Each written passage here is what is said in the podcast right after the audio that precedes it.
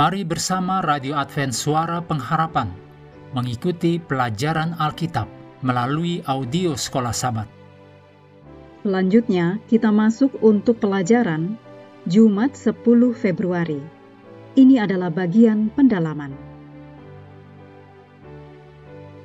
Mari kita mulai dengan doa singkat yang didasarkan dari Matius 6 ayat 20. Tetapi kumpulkanlah bagimu harta di sorga, di sorga, ngengat dan karat tidak merusakkannya, dan pencuri tidak membongkar serta mencurinya.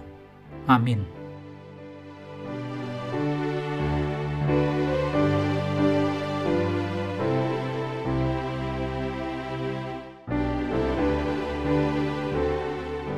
Allah menghormati bagiannya dalam perjanjian berkat dengan Abraham.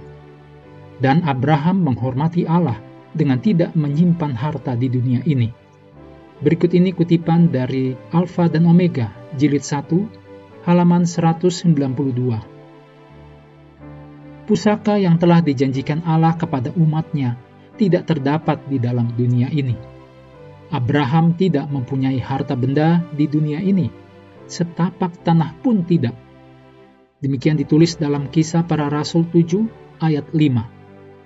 Abraham mempunyai banyak kepemilikan, dan ia gunakan semuanya itu demi kemuliaan Allah dan untuk kebajikan sesama manusia.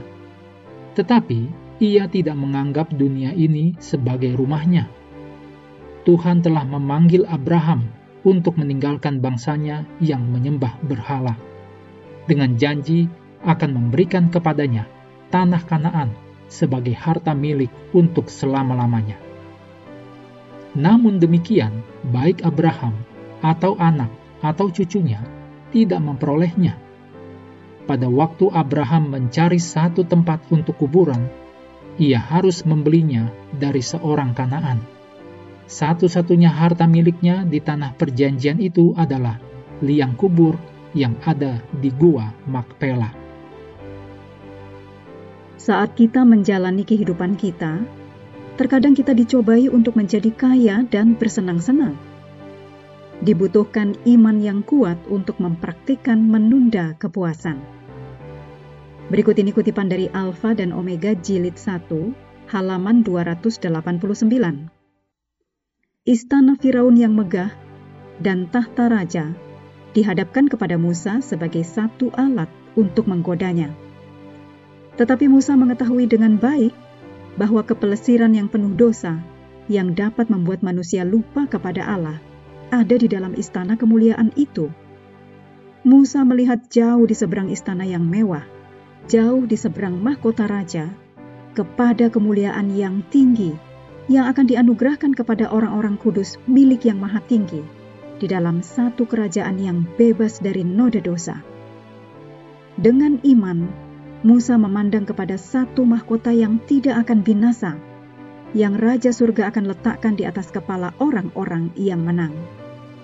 Iman ini telah menuntun Musa untuk memalingkan diri dari mahkota-mahkota kerajaan duniawi dan menggabungkan diri dengan bangsa yang hina, miskin, dan rendah yang telah memilih untuk menurut kepada Allah, gantinya untuk melayani dosa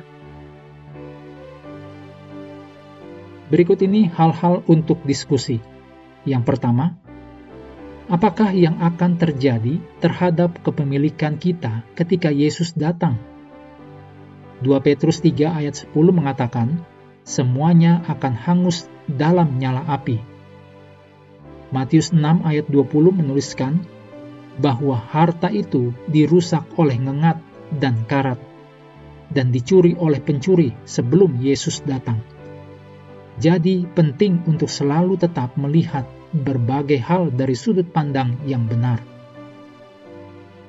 Yang kedua, Yesus mengamarkan tentang tipu daya kekayaan dalam Markus 4 ayat 19.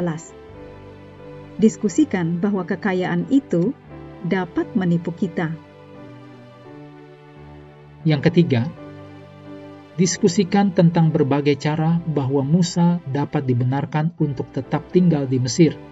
Gantinya ia meninggalkan segala sesuatu agar pergi bersama dengan kelompok budak ke padang yang tandus. bahas tentang hal yang akhirnya menyebabkan Musa memutuskan untuk pergi. Mengakhiri pelajaran hari ini, mari kembali ke ayat hafalan dalam Markus 8 ayat 36 dan 37. Apa gunanya seorang memperoleh seluruh dunia, tetapi ia kehilangan nyawanya?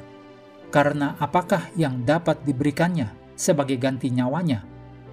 Kami terus mendorong Anda untuk mengambil waktu bersekutu dengan Tuhan setiap hari, bersama dengan seluruh anggota keluarga. Baik melalui renungan harian, pelajaran sekolah sahabat, juga bacaan Alkitab sedunia percayalah kepada nabi-nabinya, yang untuk hari ini melanjutkan dari 2 Tawarikh pasal 26. Tuhan memberkati kita semua.